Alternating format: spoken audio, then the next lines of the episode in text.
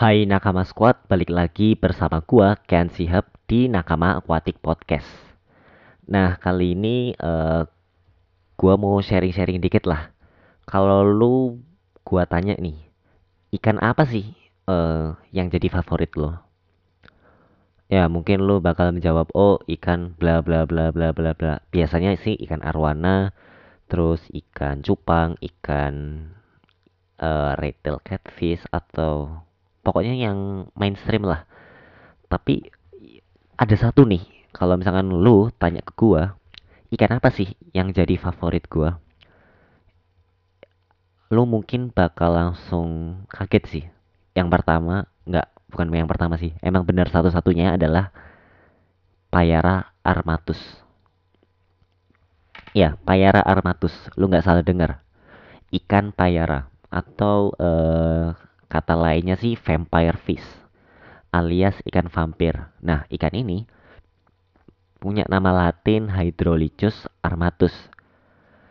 Kalau lu lihat uh, sekilas ya bentuk tubuhnya itu dia uh, apa namanya panjang, memanjang gitu. Tapi dari segi kelebaran tubuhnya itu dia tipis. Nah, terus dari mulutnya tuh, mulutnya itu dia moncong gitu. Oh, sorry ya mulut bagian bawah ya maksudnya. Mulut bagian bawahnya dia agak moncong ke depan. Terus nah ini yang paling apa ya yang paling keren paling gokil dan bisa jadi ciri khas buat ikan ini adalah uh, giginya di bagian bawah itu itu seperti taring. Nah tuh. Taring itu dua ya kan? Seolah-olah benar-benar seperti vampir dah. Pokoknya keren banget apalagi matanya tuh wah matanya melotot gitu kan. E, bentuk bulat terus tatapannya tajam warna hitam. Dan apa ya kalau lu tanya gitu ya e, ikan ini dari mana sih gitu? Nah seperti yang gua baca-baca nih e, kalau misalkan ikan payara itu cukup eksklusif ya penyebarannya jadi mulai dari Amazon dan Orinoco di Guyana jadi kalau dipikir-pikir ikan payara ini memang ya cukup eksklusif gitu. Dan gue juga ada cerita nih, gue pernah punya uh, ikan payara ukuran 15 cm.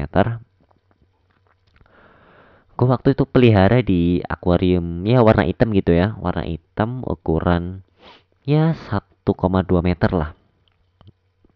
Sekitar segitu, sedangkan payara gue ukuran 15 cm dan gue pelihara waktu ada tiga ekor. Dan apa ya? Uh, Paira ini cukup aktif gitu. Saking aktifnya uh, itu kan dia ikan aktif. Jadi hidupnya itu sebenarnya habitatnya di sungai yang berarus deras tuh. Berarus deras berarus kencang. Dan supaya gua memanjakan si ikan payara ini gua kasih tuh yang namanya wave maker. Jadi wave maker itu alat pembuat gelombang air. Jadi seolah-olah uh, apa namanya akuarium itu bergelombang berarus. Padahal memang itu dibuat gitu, buatan. Nah, jadi dengan alat yang namanya wave maker itu tadi. Dan benar gitu, si ikan paya armatus itu seneng banget gitu dia kayak goyang-goyang gitu seolah-olah dia sedang mengarungi sungai yang berarus. Dan yang bikin gua takjub adalah ketika dia uh, gua kasih makan gitu. Gua kasih makan berupa ikan uh, ikan moli ya. Karena ukurannya masih kecil gua kasih ikan moli gua cemplungin tuh. Plung! Nah tiba-tiba gua kaget gitu. Awalnya dia uh, mungkin di pojok kiri gitu ya dia sedang berenang-renang gitu gua kasih ikannya di pojok kanan. Tiba-tiba dia langsung menyergap. Dia langsung menyergap dan uh, apa ya langsung disambar gitu. Secepat kilat bener-bener kurang lebih hanya 1 sampai 2 detik. Bayangkan uh, ukuran akuariumnya 1,2 meteran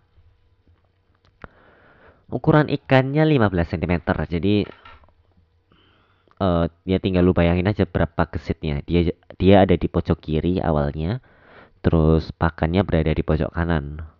Gue cemplungin tuh pelung tiba-tiba dari yang awalnya di pojok kiri dia langsung sambar ke pojok kanan itu dengan secepat kilat hanya sampainya sekitar 1 sampai 2 detik ya sebenarnya kalau dipikir-pikir masuk akal juga gitu karena kenapa? Ya yang pertama dia memang habitatnya di sungai berarus jadi sudah terbiasa dengan tekanan uh, yang ada di tubuhnya. Dan juga dari segi apa ya keefisienan ya. Susah banget sih uh, keefisienan. Jadi keefisienan itu kayak apa ya bentuk tubuh lah ya. Bentuk tubuhnya itu aerodinamis. Jadi benar-benar memang dirancang gitu untuk bergerak cepat. Sehingga ya apa ya make sense aja gitu. Mungkin aja gitu kalau dia menyambar makanan hanya dalam waktu sampai 1 sampai 2 detik doang. Dan wah gua bener-bener apa ya keren gitu keren dan takjub gitu. Nah suatu saat gua baca tuh beberapa literatur yang bikin gua keren adalah kalau misalkan giginya payara payara armatus itu patah dia bisa apa namanya dia bisa tumbuh lagi dia bisa regenerasi lagi. Taringnya itu tadi taring yang gue bilang uh, semacam kayak vampir gitu itu kalau patah dia bisa tumbuh lagi dalam waktu 24 jam. Itu ada literaturnya.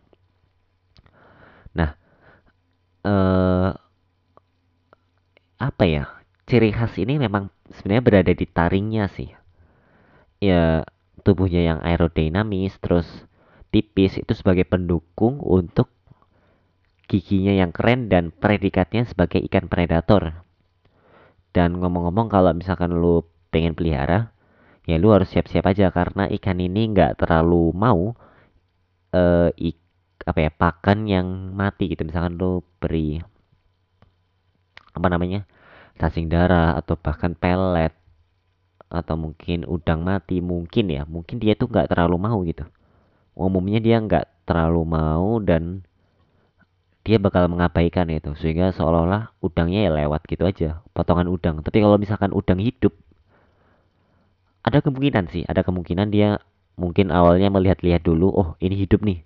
Dia langsung sambar. Untuk itulah kenapa harus ada aerator eh bukan aerator sorry wave maker supaya di flow air atau arus airnya itu berjalan sehingga meskipun ikan atau pakannya itu mati ketika dia bergerak-gerak selama itu daging ya daging-dagingan seperti udang tadi atau ikan yang mungkin ikan udah mati kalau kena flow itu mungkin seolah-olah hidup gitu. Sehingga sama si Paira armatusnya itu langsung di disambar gitu. Oh ada ikan hidup tuh. Disambar padahal ya memang bisa jadi itu ikan mati atau udang yang udah mati. Tapi dia bakal tetap sambar gitu. Uh, apa ya? Dan yang bikin gue uh, makin ngefans dengan ikan ini adalah ketika di alam liar itu saat berburu ya dia itu bisa tahu dari apa? Gue lupa tuh pokoknya dia nggak terlalu mengandalkan penglihatan. Kalau nggak salah itu dari getaran air kayaknya. Getaran air. Jadi meskipun airnya keruh gitu kalau ada ikan lewat itu dia bisa kerasa gitu. Oh ada ikan lewat nih. Dia perkirakan oh ada di misalkan tiga eh, tiga meter di depan. Nggak sampai jauh banget ya. Mungkin eh, satu meter di depan gua di arah misalkan arah tenggara gitu. Dia langsung berbalik dan langsung menyergap dan mengejarnya gitu. Meskipun sungainya berarus terus mau seperti apa pun apa ya ekstrimnya sungai itu dia udah biasa gitu. Dia langsung menyergap hingga ikannya itu tidak bisa berkutik.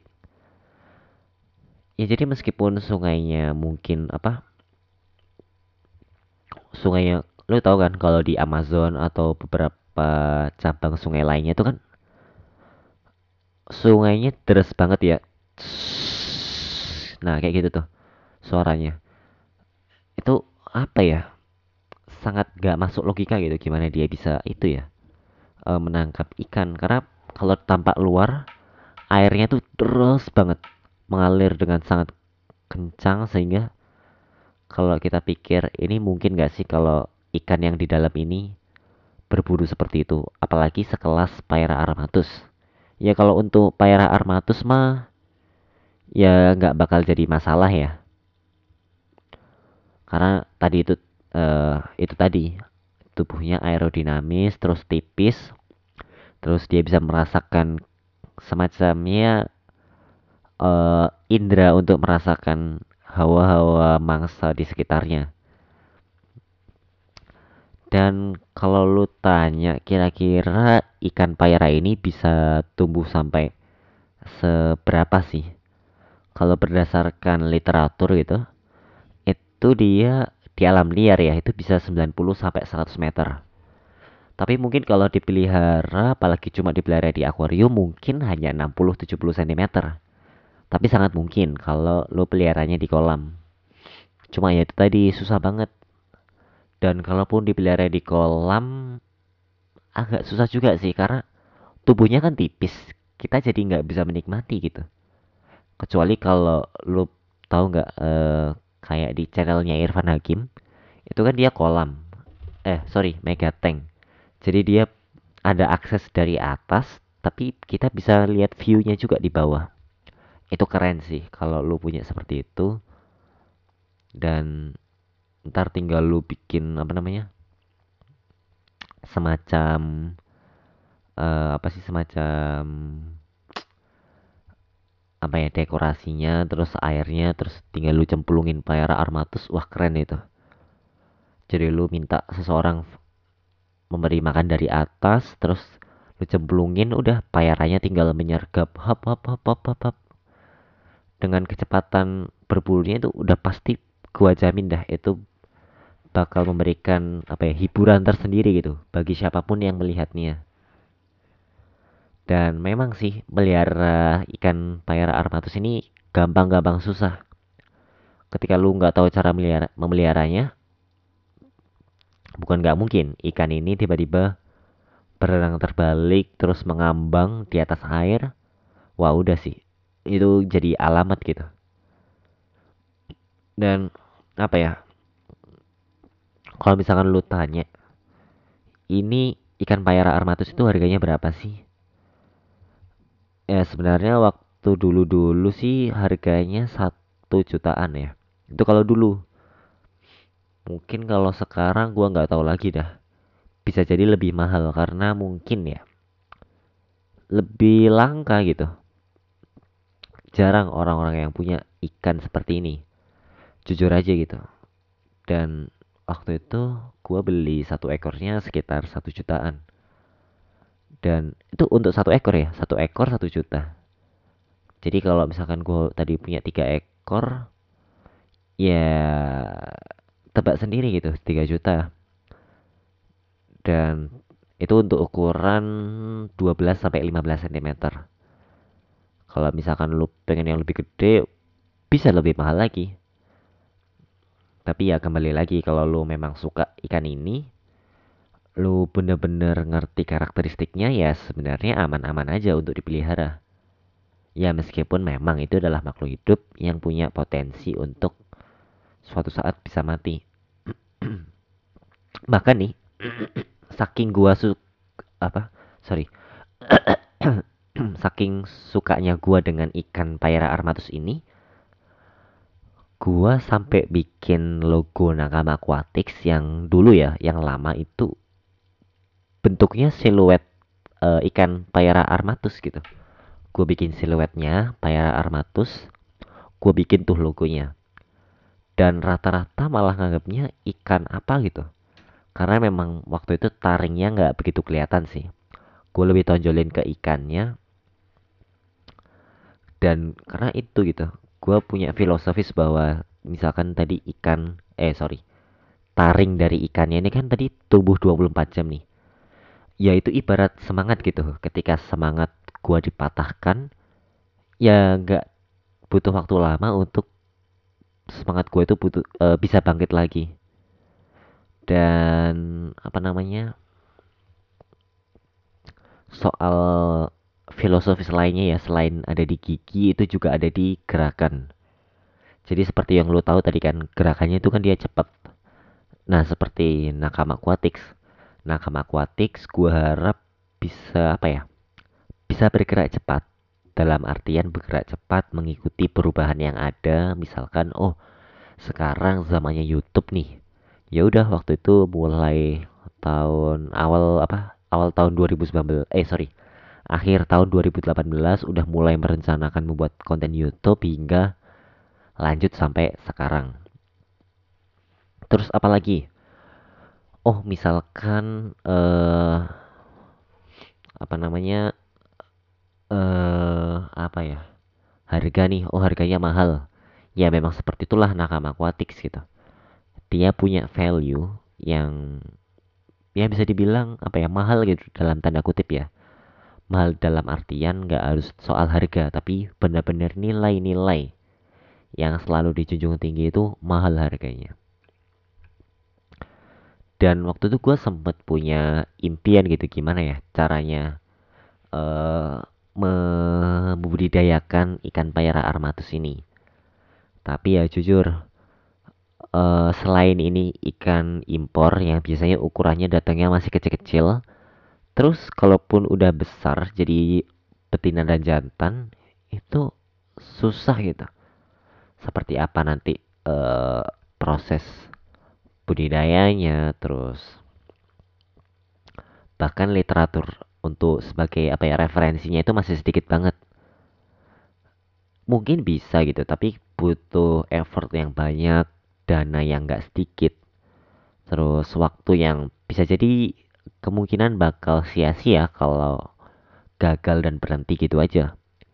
Sehingga gue putuskan, aduh kayaknya susah deh budidaya. Tapi kalau misalkan lu dari orang yang punya background budidaya, eh, ikan ini bisa jadi salah satu objek yang menarik sih untuk dibudidayakan. Apalagi kalau misalkan lu punya dana yang cukup gede, budget yang cukup melimpah ya kenapa enggak gitu lu cobain ketika ikan ini berhasil lu bisa menciptakan tren. Wah eh, efeknya timbal baliknya bisa berkali-kali lipat. Dan yang bisa dapat untungnya ya lu sendiri gitu. Lu yang bisa apa ya dapat keuntungan dari budidaya ikan payara armatus ini. Dan gua pasti bakal beli sih. Karena ya jujur gua sangat suka banget ikannya ini dipelihara sendirian bisa dipelihara bergerombol juga bisa.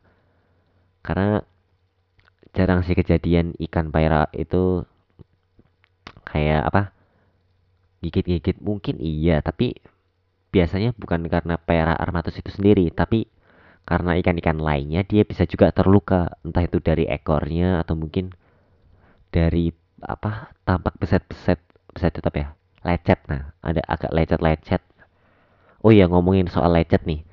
Itu biasanya ada juga pengaruh dari faktor dekorasi. Itulah kenapa gua saranin kalau lu pelihara pengen pelihara ikan payara armatus, hindarilah gitu. Uh, apa namanya? Hindari